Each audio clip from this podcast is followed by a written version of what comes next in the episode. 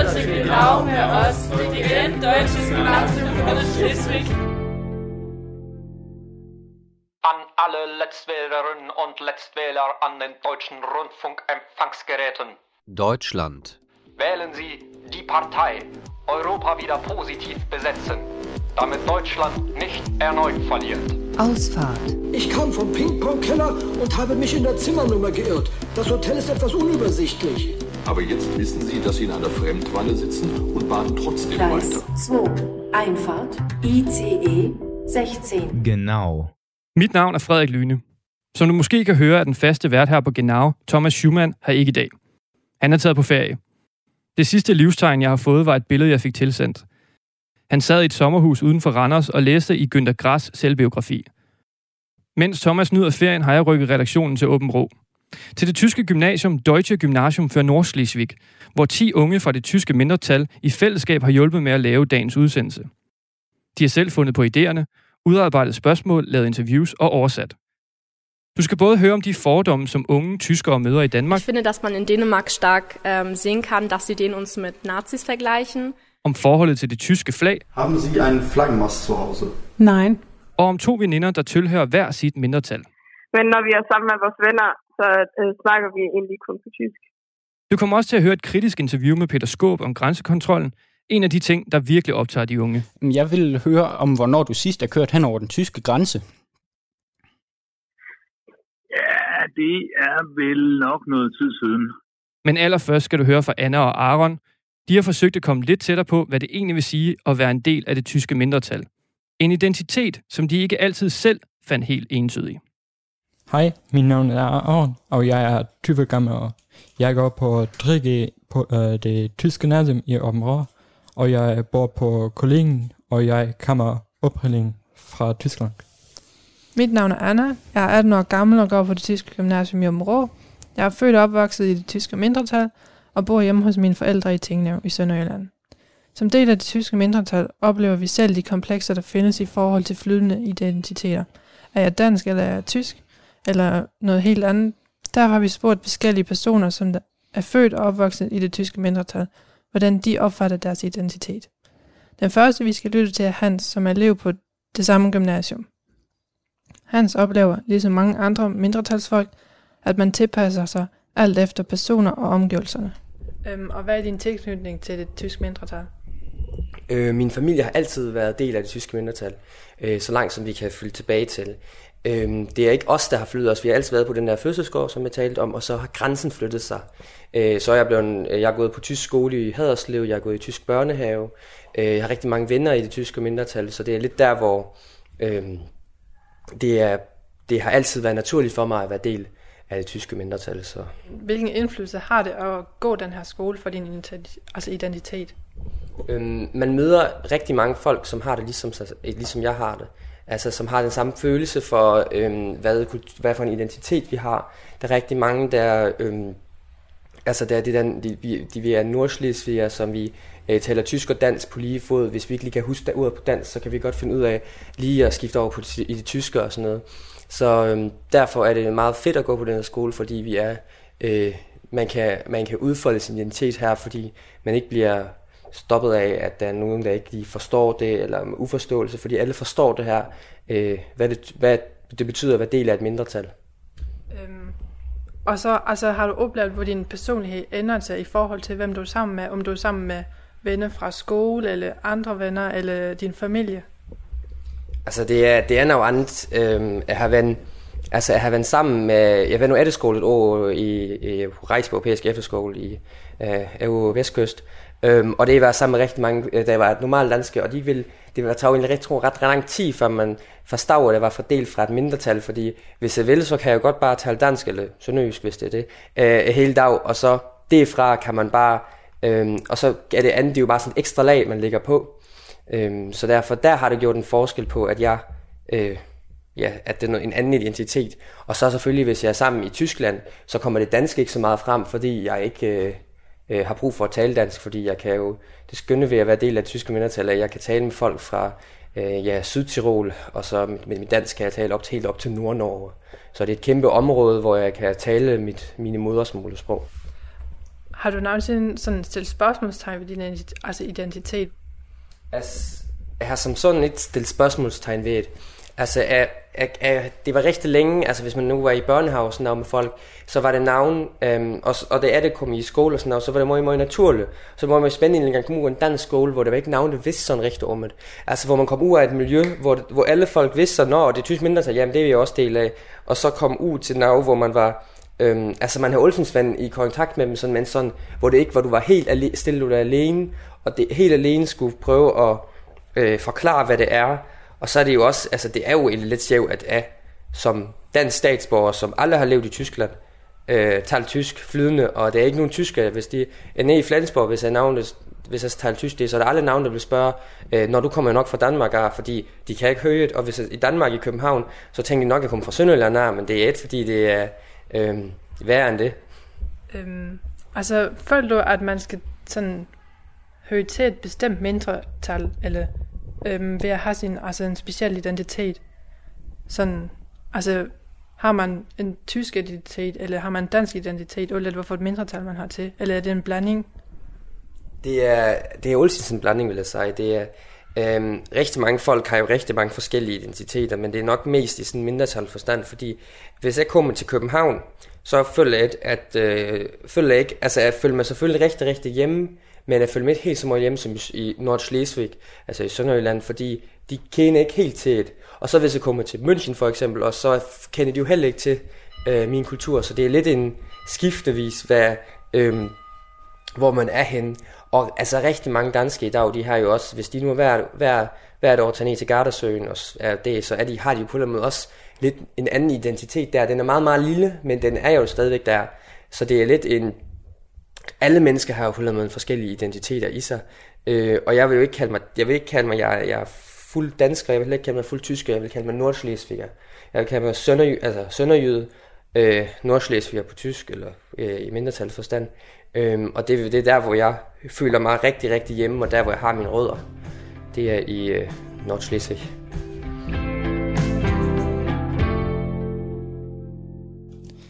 Det næste, øh, vi skal lytte til, er Charlotte, og øh, er lærer på det tyske gymnasium i Charlottes børndom, oplever hun ikke, øh, at det findes grænsen med mindretaler, men nu ser jeg lidt en andres på det.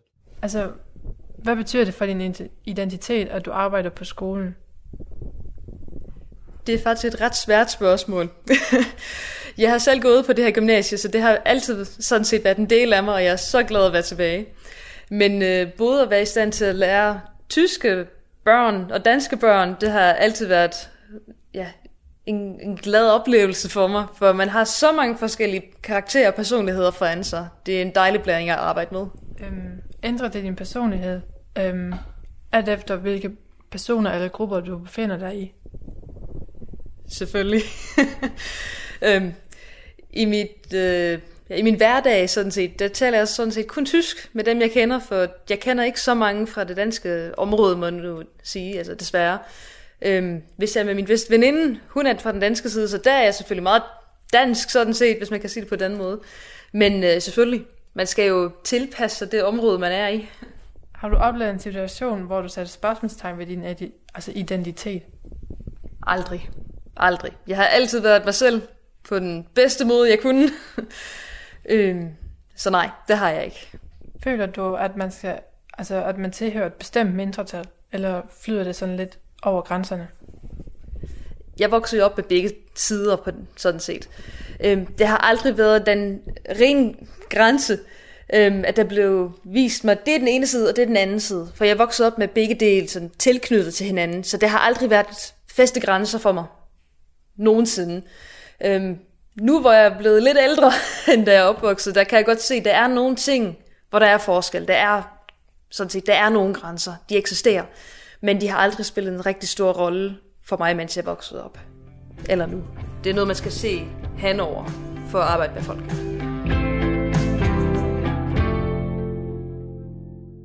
Forskellen imellem det at være dansk og tysk kan måske nogle gange virke større på papiret, end den egentlig opleves. Det var i hvert fald det, jeg fik ud af indslaget. Men alligevel oplever nogle af de unge, at vi danskere kan have det lidt svært med tyskerne. Og det skal du høre mere om nu. To af eleverne gik nemlig på jagt efter de fordomme, som unge fra det tyske mindretal oplever. Hej, mit navn er Nora, og jeg er 16 år. Og jeg er Lars, og jeg er 17 år. Til daglig går vi i 2G på det tyske gymnasium i Umro. I vores indslag har vi valgt at komme ind på det fordomme, danskere har over for tysker. Både Lars og jeg har oplevet at blive mødt med fordomme i det offentlige rum, men vi ved også, at vi ikke er de eneste, der har oplevet det. Vi har derfor spurgt nogle andre elever på vores gymnasie for at høre om deres erfaringer med fordomme som tysksindet eller tysker i Danmark. Ja, mit navn er Melanie. Øhm, jeg er 17 år gammel, og jeg er anden års elev her på DGN. Hvilke fordomme har du mødt, og i hvilken form har du mødt dem? Altså, nu har vi jo dansk gymnasie lige over for vores, det tyske. Der kan man godt blive mødt med, ej, tysker. Altså, de har fordomme om, at vi er mega tysk. Og vi faktisk ikke er sådan, hvad kan man sige, meget danske. Eller vi er jo lige så danske, som de er, de fleste af os, eller dem, der bor i Danmark i hvert fald. Så det kan godt være lidt træls, at man bare bliver stemplet som tysker. Altså, har du fået nogle fordomme? Jeg har oplevet fordomme. Øh, altså, jeg har da oplevet, at folk troede, vi var sådan nogle, der sad og kaldte vores lærer med efternavn, og at vi skulle stå op i starten af timen, indtil de sagde, at vi måtte sidde ned og sådan noget. Altså, jeg tror, det er mere i forhold til vores skolegang, at jeg har mit fordom, at det er en lidt strengere og lidt mere sådan striks skole. Altså, det- hvordan jeg reagerede, jeg prøvede jo bare at forklare dem, at sådan var det ikke. Altså, det er jo... Altså, jeg føler selv, at vi er en ret normal skole, og ikke særlig tysk. Äh, ich bin Len Bayer, komme von Amrum, Nordfriesische Insel in Deutschland, bin 18 Jahre alt und gehe aufs DGN in die 3B. Oft hört man einfach das Vorteil von so denen, dass wir halt Deutsche sind und so typisch deutsch sind, heißt so. Land fra Amrum på 18 år har også oplevet at få bemærkninger om det at være tysker. Ähm, wo erlebst du diese Vorteile? Naja, manchmal im Alltag einfach, aber man gewöhnt sich an so. Land tilføjer, at han har vendt sig til at få disse bemærkninger i hverdagen. Wie reagierst du auf solche? Ziemlich gelassen. Ich lächle darüber und naja, ich meine, ich finde Han tager ikke disse bemærkninger så tungt, da han ikke mener, at folk kan dømme ham, uden at kende ham personligt. Jeg er Lasse Søndergaard. Jeg kommer fra Sønderjylland, og øh, jeg er sådan halv dansk og halv tysk. Min mor er dansk, og min far er tysk. Øh, der er sådan de typiske med, at man bliver sådan påtalt for, at man er tysker, og sådan for at høre for det, og sådan at blive kaldt tysker, selvom man jo sådan ikke føler sig tysk, eller snakker dansk med sine venner. Og sådan. Så det er jo sådan mest det verbale. Øh, I min gamle skole, der var vi sådan, at den danske skole og den tyske skole, de lå sådan lige ved siden af hinanden. Og så var det sådan hver gang, når man gik forbi ved den danske skole, at det var sådan typisk, at man fik nogle kommentarer. Så ikke- jeg tog det ikke så tungt. Jeg synes bare, det var lidt underligt, fordi man forstod det ikke rigtigt. Og især i de yngre, eller i de yngre klasser, hvis man ikke rigtigt, hvorfor de lige sagde de kommentarer. Sådan, så det betød ikke så meget for mig, nej. Hallo, ich bin Kameko und ich bin 17 Jahre alt und ich gehe aufs DGN. Ähm, welche Vorteile hast du erlebt und in welcher Form? Ich finde, dass man in Dänemark stark ähm, sehen kann, dass sie den uns mit Nazis vergleichen. Kameko på 17 år mener, det er stærkt udbredt i Danmark, at danskere sammenligner tyskere med nazister. Ähm, wo hast du diese Vorurteile erlebt? Ähm, auf jeden Fall in der Öffentlichkeit, ähm, zum Beispiel in der, bei der Busstation oder auch selbst im Bus, dass man da so... Kameko tilføjer dertil, at hun i offentligheden og især i den offentlige transport har oplevet at få kommentarer og bemærkninger eller være blevet grint af. Ähm, und welche Bedeutung haben diese Vorurteile für dich oder wie hast du auf diese Vorurteile reagiert? Ähm, ich finde, natürlich ist das schon auf eine Art verletzend, weil wir sagen ja auch nichts über den. Hun føler sig stødet over sådanne bemærkninger, da hun aldrig selv ville sige eller tænke dette om danskere. Hun mener ikke, at sådanne kommentarer burde finde sted. Efter at have hørt om oplevelser, de andre elever har haft, valgte vi at snakke med lektor i tysk på Aarhus Universitet, Erla Heilenstein-Dottir. Hun lavede i 2015 et større forskningsprojekt om dansk-tyske fordomme.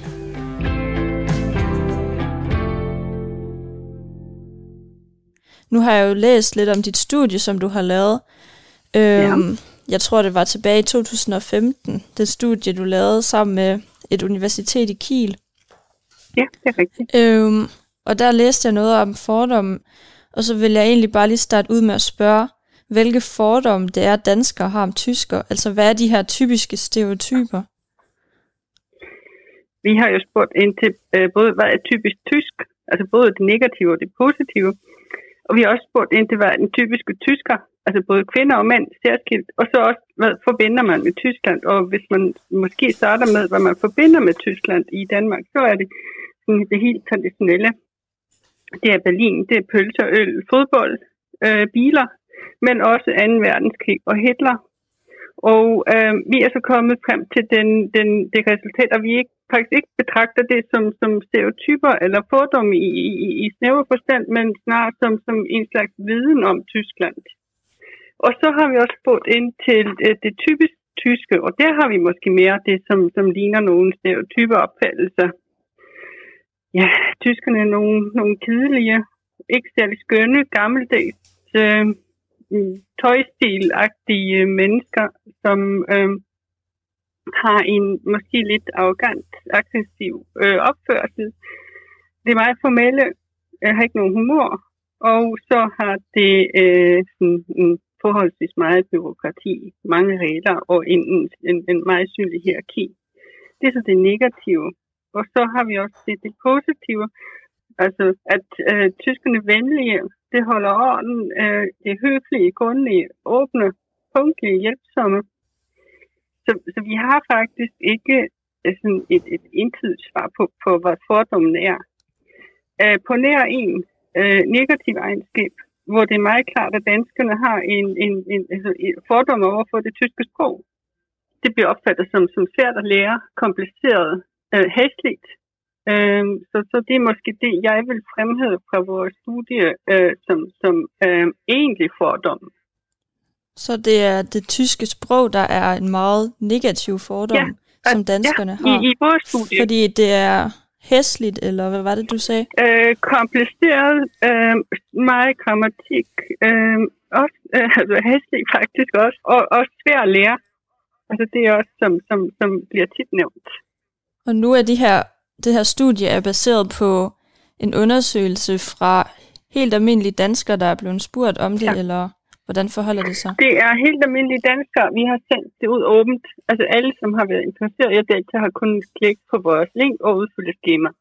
Det viser sig faktisk, når man kigger på, hvem har øh, udfyldt, at det er øh, cirka halvdelen øh, fra det dansk-tyske grænseland, det vil sige øh, Sønderjylland, og det andre fordeler sig sådan nogenlunde jævnt på, på Sjælland og Midtjylland. Okay. Og har I i jeres studie fundet ud af, hvorfor at danskerne de har nogle af de her fordomme, både positive og negative?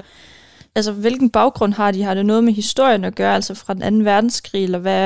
Altså, som det... så, jeg tror ikke, at det, at man nævner Hitler og 2. verdenskrig i, i, i det spørgsmål, som hedder, hvad forbinder du med Tyskland? Jeg tror faktisk ikke, det er en fordom. Jeg tror snarere, det er noget viden, man, altså det viden, man har om, om Tyskland. Altså, når man spontant skal sige noget, altså, hvad man forbinder med Tyskland, så er øh, det viden, man får i skolen, øh, via medier. Man kan næsten ikke se en film fra Tyskland, uden at den på en eller anden måde øh, berører øh, 2. verdenskrig og, og, og tiden inden. Så jeg tænker, at det har noget at gøre med, hvad, hvad for noget viden man øh, får formidlet, i, især i skolen. Øhm, nu har vi jo så øhm, været ude og snakke med et par andre elever fra den her skole, som hvor vi har spurgt dem om, hvilke fordomme de har oplevet som tyskere, og som medlem af det tyske mindretal. Ja. Der er flere, der har oplevet, at de er blevet kaldt nazister. Hold op. Og det er jo så noget, de har jo fået, som de har fået at vide fra andre unge danskere. Og der har for eksempel også været et eksempel på nogen, der har fået kastet flasker efter, efter sig. Og det er jo alt sammen noget, som unge danskere har sagt og gjort mod dem. Bunder det alt sammen på det, de har fået at vide i skolen? Altså jeg tænker, det, det, det må være også noget i forhold til medier, i, i forhold til også den fortælling, som også ligger i, i, i, i, i Sønderjylland, i, i forhold til, at øh, dele har jo været, øh, altså øh, dele af Sønderjylland har jo været del af Tyskland, og at det må være noget, man øh, sådan har som en, en, en fortælling et eller andet sted i samfundet også. For det, det er ikke bare sådan, at man går ud og kaster flasker i nogen, fordi øh, det er en, som kommer fra Tyskland de her fordomme, nu sagde jeg noget med, at det var unge danskere, ja. men har du nogen viden om, at det har udviklet sig i løbet af de sidste 100 år? Nu er det jo 100 år siden, at den her genforening fandt sted. Har du nogen idé om, at det har udviklet sig til det bedre eller til dårligere i løbet af de sidste par år? Altså, det har jo været en meget fremtrædende aspekt i, i, i, i, i forholdet mellem Danmark og Tyskland, har været en anden øh, verdenskrig, har ved, at øh, øh, tyskerne besatte jo Danmark. Øh, så, så det er en af fortællingerne, og, øh, og det var meget klart, at tyskerne var det ånde, og Danmark, øh, danskerne var det gode. Øh, og det er noget, som jeg bliver måske modificeret lidt i løbet af de sidste øh, 15-20 år, og jeg tænker, og det er også det, jeg hører fra mine tyske kolleger, at, øh, at billedet af tyskerne er blevet mere positivt. I, faktisk betydeligt mere positivt. Og også mere nuanceret.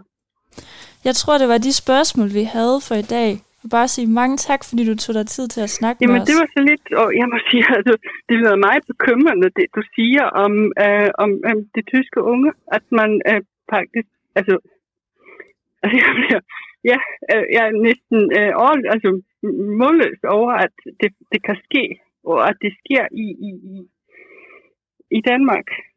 Altså, det, det har jeg altså ikke nogen forklaring på, som sådan. Altså, jeg ved det ikke.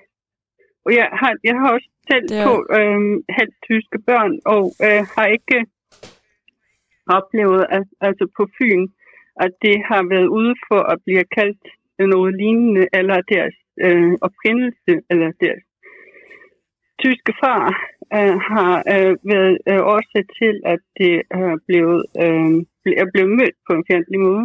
Jeg er også deltager i nogle af de dansk-tyske projekter nede i, i grænselandet. Jeg ved ikke, hvor, hvor meget du kender til det. Jo. Øh, Hvor man, man støtter op øh, og finansierer nogle små projekter, kulturprojekter og udvekslingsprojekter, øh, hvor man faktisk også sætter aktivt ind for at fremme venskab mellem danskere og tyskere. Øh, så, så det øh, lyder meget bekymrende, at man øh, i dag øh, kalder øh, nogle øh, unge mennesker for nazister. Ja, det er jo desværre bare nogle af de dårlige eller negative eksempler, vi har. Men vi har selvfølgelig også mange positive eksempler. Men igen, tak fordi du tog dig tid. Jo, selv tak. Du lytter til Genau med os, DGN Deutsches Gymnasium Schleswig. I 2016 lød det sådan her, da Lykke afholdt årets første pressemøde. Og i dag kl. 12, øh, det vil sige fra nu, indføres øh, midlertidig grænsekontrol til Tyskland. Grænsebetjente og kontroller blev en del af hverdagen ved den dansk-tyske grænse. Tidligere på året gik Danmark så skridtet videre, da coronavirusen meldte sin ankomst. Fra i morgen kl. 12, der lukker de danske grænser midlertidigt. Nu skulle samtlige biler stoppes, før de kunne køre ind i Danmark. Genau er i denne uge produceret af 10 gymnasieelever fra det tyske gymnasium i Åben Rå. Og hvis der er én ting, som optager folk i grænseområdet, så er det den danske grænsekontrol. To af eleverne har forsøgt at udfordre Peter Skårup, Dansk Folkepartis mangeårige retsordfører. Moin, jeg hedder Malte. Og jeg hedder Bjarne. Vi er elever på det tyske gymnasium og Her går vi 2G og er begge 17 år gamle. Jeg har det dansk-tysk statsborgerskab. Og jeg er ren tysker, der bor i Danmark. Den tysk-danske grænse spiller en stor rolle i vores liv. Tit pendler vi frem og tilbage flere gange om ugen for at handle og besøge venner eller familie. Men vejen til Danmark er blevet meget mere besværligt siden 2016, fordi Danmark har fået grænsekontrol. Derfor har grænsen udviklet sig til at være en konstant emne i hverdagen. Also mein Name ist Karin Asmussen, ich bin 58 Jahre alt, ich bin Lehrerin. Og derfor har vi spurgt Karin, som er lærer på vores gymnasie, om hvordan hendes hverdag påvirkes af kontrollerne. Hun har været lærer her i 29 år og har været pendler i alle disse år. Sind die Grenzkontrollen für dich ein Problem? Also ich, ich bin ja schon, mache das schon lange, ich habe ja schon verschiedene Phasen der Grenz Grenzkontrollen erlebt. Am Anfang waren ja noch richtig fest. Karin fortæller her, at hun i alle de 29 år, som hun har pendlet, har oplevet flere former for grænsekontroller. Startende pendlede hun med faste paskontroller. Så kom Schengen, og det hele blev dejligt nemt. Siden 2016 indførte Danmark grænsekontrol, som kastede det hele tilbage til det, hun kendte fra hendes tidlige pendlerdage. Det endte med, at kontrollerne blev hverdag. Und dann kam Corona und dann wurde es richtig ärgerlich, weil... Helt slemt blev det dog først med corona. Der kom mange restriktioner, og alle skulle kontrolleres, siger hun. Und wenn du was an der Grenze ändern könntest, was, was wäre das? Alles weg. Alles, alles freimachen, äh, stichprobenartig. Afsluttende fortæller hun, at hun ønsker sig en åben grænse, som før 2016. Schengen var den bedste løsning, synes hun. Freie Grenzen und keine Kontrollen. Das würde ich mir wünschen. Karin lægger helt klart vægt på, at hun ønsker sig en åben grænse, både for at spare tid og fordi der ikke er noget at frygte. Peter Skarup, politiker for DF, synes ikke det samme, og derfor ringer vi til ham. Hallo. Hej, goddag.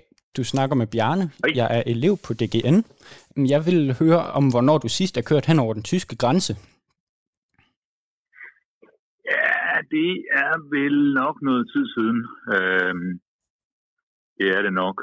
Øh, jeg har været over den øh, dansk-svenske grænse. Kan det bruges til noget? Nej, det, det kan det ikke så meget. Nej. Men Okay. det er, for, det er Ej, fordi... det er tid siden, jeg har været hen over den tyske. Den Ja, tyske. det er nemlig fordi, ja. vi kører jo hen over den næsten hver dag, og vi bliver jo stoppet ret tit ved den her grænse. Ja. Og det irriterer os jo. Kan du relatere til det? Jamen, det kan jeg godt. Altså selvfølgelig så var det da skønt, hvis vi kunne have et Europa, hvor man ikke behøvede at grænsekontrol. Men jeg vil også på den anden side sige, at jeg synes, det er nødvendigt, fordi vi har jo grænseoverskridende kriminalitet.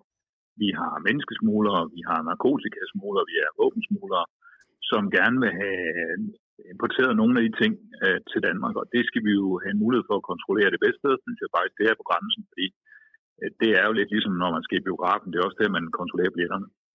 Men Jeg kan godt forestille mig, at det virker som en god idé at have den her kontrol ved den dansk-tyske grænse, hvis man ligesom bor i København eller i Aalborg, og man ligesom finder det her øh, med narko og sådan noget. Men folk i Aalborg eller i Aarhus oplever jo ikke de konsekvenser, som vi som sønderjyder eller øh, fra mindretallet oplever.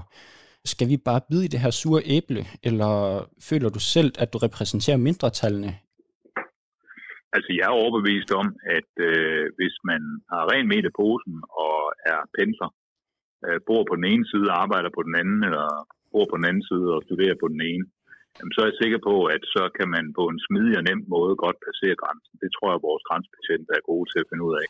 Men det, det er jo sådan set ikke øh, pendlere, man er ude efter, når man kontrollerer på grænsen. Det er jo dem, der øh, værst det ondt. Altså dem, som for eksempel vil smule narkotika ind, og langt hovedparten af, af den narkotika, vi ser i Danmark, den kommer jo fra, øh, hen over den dansk-tyske grænse. Og der synes jeg, det er nødvendigt med noget, med noget grænsekontrol, der kan stoppe det, fordi vi vil ikke have narkotika og, og øh, migranter ind, som kommer ind i det.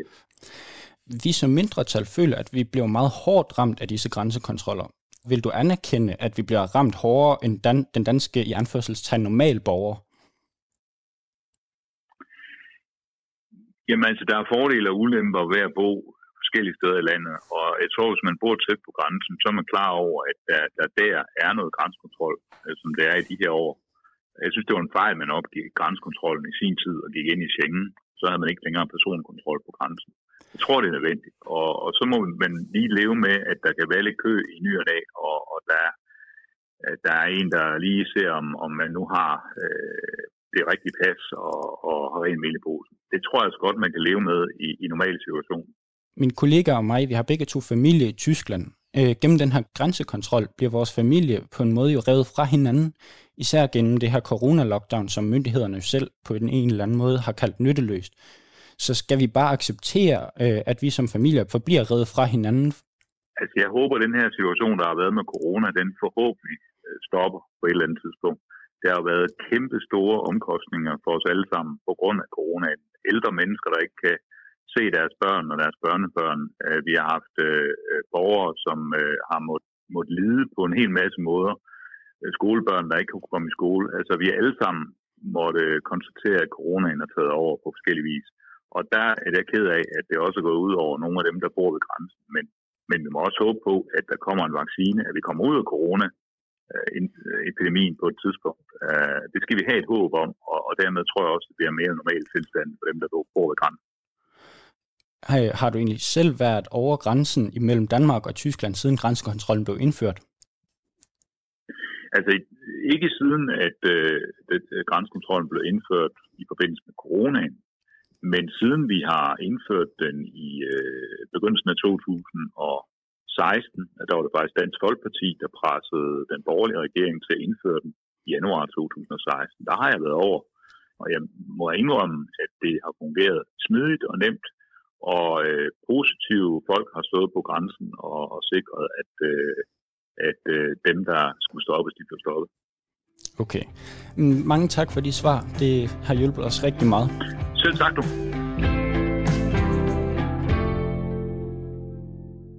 På hver side af den grænse, som Malte og Bjarne ikke helt fik overbevist Peter Skåb om at holde åben, befinder sig et mindretal. Et dansk mindretal og et tysk mindretal. Hej, mit navn er Lara. Jeg er 18 år gammel, og jeg går i 2G på det tyske gymnasium i Åben Jeg har boet i Danmark siden 2018, og er et medlem i det tyske mindretal. Før boede jeg i Flensborg og voksede op i det danske mindretal. Fordi jeg kender begge mindretal, synes jeg det er meget spændende at snakke med min veninde Lavinia, som er 19 år og sidder i Flensborg og går på det danske skole i Flensborg, som hedder Duborgskolen. Vi er begge elevambassadører og snakker ofte med mange folk om, hvordan det er at være med i det mindretal. Og nu vil jeg ringe til min veninde og snakke med hende om, hvordan det er at være i en mindretal. Hej. Hej Lavinia. Hej. Øhm, kan du lige sådan kort introducere dig, hvordan du hedder, og hvor du går på skole, og hvad den, hvor gammel du er? Uh, ja, uh, mit navn er Lavinia. Uh, jeg er 19 år gammel, og jeg går på Duberskolen i 3.G i idrætsprofil. Så den første spørgsmål er, hvordan er du kommet til det danske mindretal? Sådan, hvornår er det en mindretal, og ja. Um, ja, altså jeg er kommet til det danske mindretal grund af min øh, storsøster, øh, som ikke har fået plads i den tyske børnehave. Så er hun kommet i den danske, og på grund af den regel, som var der, at hvis når snart en af familien øh, gik i den danske system, skulle den anden også komme i den danske system, så det er derfor, jeg også kom i dansk børnehave. Okay, hvad tænker du egentlig om det tyske mindretal generelt, og sådan nogle personlige ting? Uh, jeg synes, at uh, tyske mindretal er en god ting, også fordi så det er jo sådan lige præcis egentlig sådan lidt samme, som vi laver uh, altså nede for grænsen, som vi laver uh, nord for grænsen. Ja, okay, så hvad tror du egentlig anderledes mellem de to mindretaller? Eller er der slet ikke nogen forskel? Øh, jeg tror, det er en, øh, en lille forskel er, at altså, vi får meget lært de danske værdier, og jeg tror, at I får lidt mere lært de danske værdier end altså de tyske værdier, fordi altså, det tyske er sådan ikke sådan nationalitet, man er så meget stolt på eller noget, og så man viser det i hvert fald ikke sådan. Ja. Øhm, har du sådan nogle fordomme imod det tyske mindretal? Øhm, ikke direkte, måske er det mange gange, altså man, nogen, man, altså, når man snakker med nogen syd for grænsen, og de mener, at øh, I, kan, I kan ikke snakke så godt øh, tysk, som vi kan snakke dansk, for eksempel. Okay. Er du den samme mening, eller ikke? Øh, jeg tror ikke, vi er, altså jeg er ikke den samme mening, nej. Okay, øhm, passer det egentlig med, at, det, at, I, at I lever med danske, sådan at I er med danske end de andre rigtige danskere fra Danmark, eller hvordan synes du det? Hvad er din personlige erfaring med det? Øh, jeg synes ikke selv, vi er mere dansk end danskerne selv. Altså vi er sådan, øh, vi er, ja, det er svært at sige, om vi er virkelig 100% danskere. Det er sådan lidt med en blanding af begge dele, som er. Ja, okay. Så du synes ikke sådan 100% at I er mere dansk, eller ikke? Så I synes, jeg er sådan mellemting? Nej. Nej, det tror jeg. Altså, jeg tror ikke, vi er mere dansk. Okay, sådan, har I sådan altså, specielle traditioner, I har sådan, for eksempel med tyske eller med danske traditioner, for eksempel til jule, som I laver i skoletiden, eller også derhjemme måske? Altså i skoletiden laver vi sådan, at vi danser rundt om juletræ eller noget, men derhjemme har vi ikke noget med danske traditioner. Okay, får I så kun nogle tyske traditioner, eller kun med danske videre, eller er det sådan igen Det- sådan altså, en vi mellemting? får- Nej, vi får med de tyske traditioner. Okay, og i skolen snak, altså, har I der sådan med det danske traditioner, eller har I der sådan også med det tyske? Nej, altså i skolen har vi meget med de danske øh, traditioner. Det er også fordi, altså mange lærerne kan ikke snakke tysk eller noget, så... Okay, øhm, sådan, hvad snakker I egentlig med hinanden? Altså, snakker I med tysk eller med dansk, og hvordan snakker I med hinanden? Sådan, hvordan oplever du det? Er i skole eller derhjemme? Sådan i skolen? Uh, I skolen snakker vi med lærerne altid dansk, men altså om undervisning snakker vi også altid dansk, kun i, uh, undtagen i tysk undervisning. Men når vi er sammen med vores venner, så uh, snakker vi egentlig kun på tysk. Okay. Um, vil du egentlig blive i mindretallet, eller vil du skifte, eller hvor vil du senere hen, efter du har lavet din studentereksamen? Uh, altså efter jeg har lavet min studentereksamen, vil jeg gå til Danmark og læse der. Og øh, derefter vil jeg gerne øh, tror jeg, komme tilbage til mindretallet, men jeg ved ikke nu, om jeg skal til den tyske mindretal i Danmark, eller til den danske mindretal i Tyskland. Okay. Sådan, hvordan er den hver dag sådan med dansk, eller med tysk, eller er den sådan blandet? Mm, jeg tror, at sådan, den lidt mere blandet. Altså, det er jo hele formiddagen, det er lidt med det danske, men så snart jeg kommer hjem, er det sådan det tyske igen. Okay. Sådan, har du sådan med tysk eller med danske venner, hvad sådan dine personlige erfaringer, Øh, du jeg tror selv, jeg, jeg tror selv, jeg har mere øh, tyske venner, fordi jeg bor også i Tyskland, og så er det noget ved de fritidsaktiviteter, hvor laver alt noget. Så møder man jo kun ofte ikke kun på tysker. Ja, kan du så bedre snakke med tysker eller med dansk? Er det sådan det samme? Jeg tror nok det samme. Sådan. Så du er ikke på fornemmelsen, at de danske er anderledes end de, end de tysker? Nej, sådan lidt, altså det er svært at sige. Okay. Øhm, så er lige mit sidste spørgsmål. Sådan, sig lige et, fat, et facit sådan, om det danske eller tyske mindretal, og hvad der er gode om at være i en mindretal.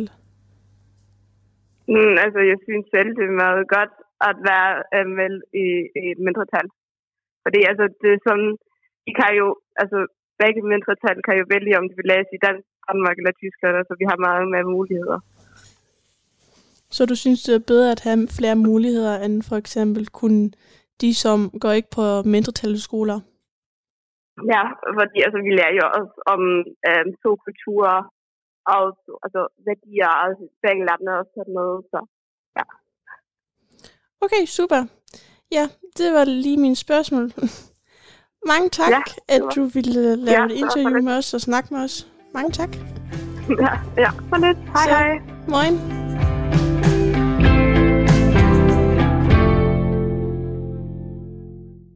Hej, mit navn er Johanna, Og mit navn er Jarp. og vi er begge 18 år gamle. Til dagligt går vi i 2G på et tysk gymnasie i Åben Rå.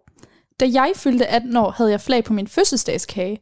Men da jeg var til fødselsdag hos en tysk veninde, undrede jeg mig over, at der ikke var flag på hendes kage. I Danmark er det jo meget almindeligt, at vi flager til alle slags arrangementer. Vi har derfor spurgt nogle lærere og elever på vores skole, hvad deres oplevelse med det tyske flag er. Habt ihr einen Flaggenmast zu Hause? Also meine Eltern wohnen getrennt. Mein Vater wohnt in Deutschland und meine Mutter wohnt in Dänemark. Und das habe ich tatsächlich nur bei meiner Mutter in Dänemark. Aber in Deutschland ähm, haben wir sowas nicht. Maltes forældre er skilt. Hans far, som bor i Tyskland, har ikke en flagstang, og dermed heller ikke et tysk flag. Men hans mor i Danmark har. Hun bruger den også, men flager med Dannebro. Malte mener også, at han forbinder det tyske flag med tyske institutioner. Haben Sie einen Flaggenmast zu Hause? Nein, Haben Sie eine Flagge oder ähnliches zu Hause? nein. Ähm, was verbinden Sie mit der deutschen Flagge? Oh, ich finde Flaggen an sich total hübsch, wenn die in der im Wind so wehen, finde ich die irgendwie so majestätisch, aber die deutsche Flagge an sich, da habe ich jetzt keine direkten Gefühle damit. Susanne siger, at hun slet ikke ejer en flagstang. Hun synes dog, at de er meget pæne at kigge på, når de blæser i vinden. Det tyske flag forbinder hun med nationalisme og har derfor en kritisk holdning omkring det. Also ich bin ein bisschen, so ich bin so ein bisschen halbkritisch mit Nationalstolz, also das kann ich nicht so nachempfinden, wegen unserer Vergangenheit. Habt ihr zu Hause eine Flagge? Ja, wir haben zu Hause ähm, die nordfriesische Flagge und die Schleswig-Holsteiner Flagge, aber keine deutsche Flagge. Jarp fortæller, at de ikke har et tysk flag derhjemme, men et frisisk, som de bruger til fødselsdag og ved dødsfald. Han forbinder det tyske flag med tyske institutioner og generelt med VM og andre sportsgrene. Sonst bin ich eher ein bisschen kritisch gegenüber, da sie für mich häufig was mit Nationalismus, also mit Nationalismus zu tun hat. Und ähm, ich, man bekommt sie am meisten mit bei sportlichen Events, wie zum Beispiel der WM.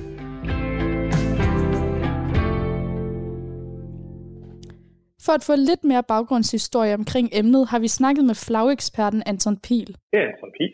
Hej, det er Johanna. Hej Johanna. Ja, vi har interviewet nogle folk, der bor i Tyskland, og de siger, at de har en flagstang, men ikke et tysk flag. Ved du, hvorfor det kan være? Ja, det kan skyldes, at det ikke er så almindeligt, at uh, tyskere bruger øh, flagning privat nær så meget som i Danmark. Det er selvfølgelig altid ærgerligt, når man har en flagstang, man ikke har et flag til.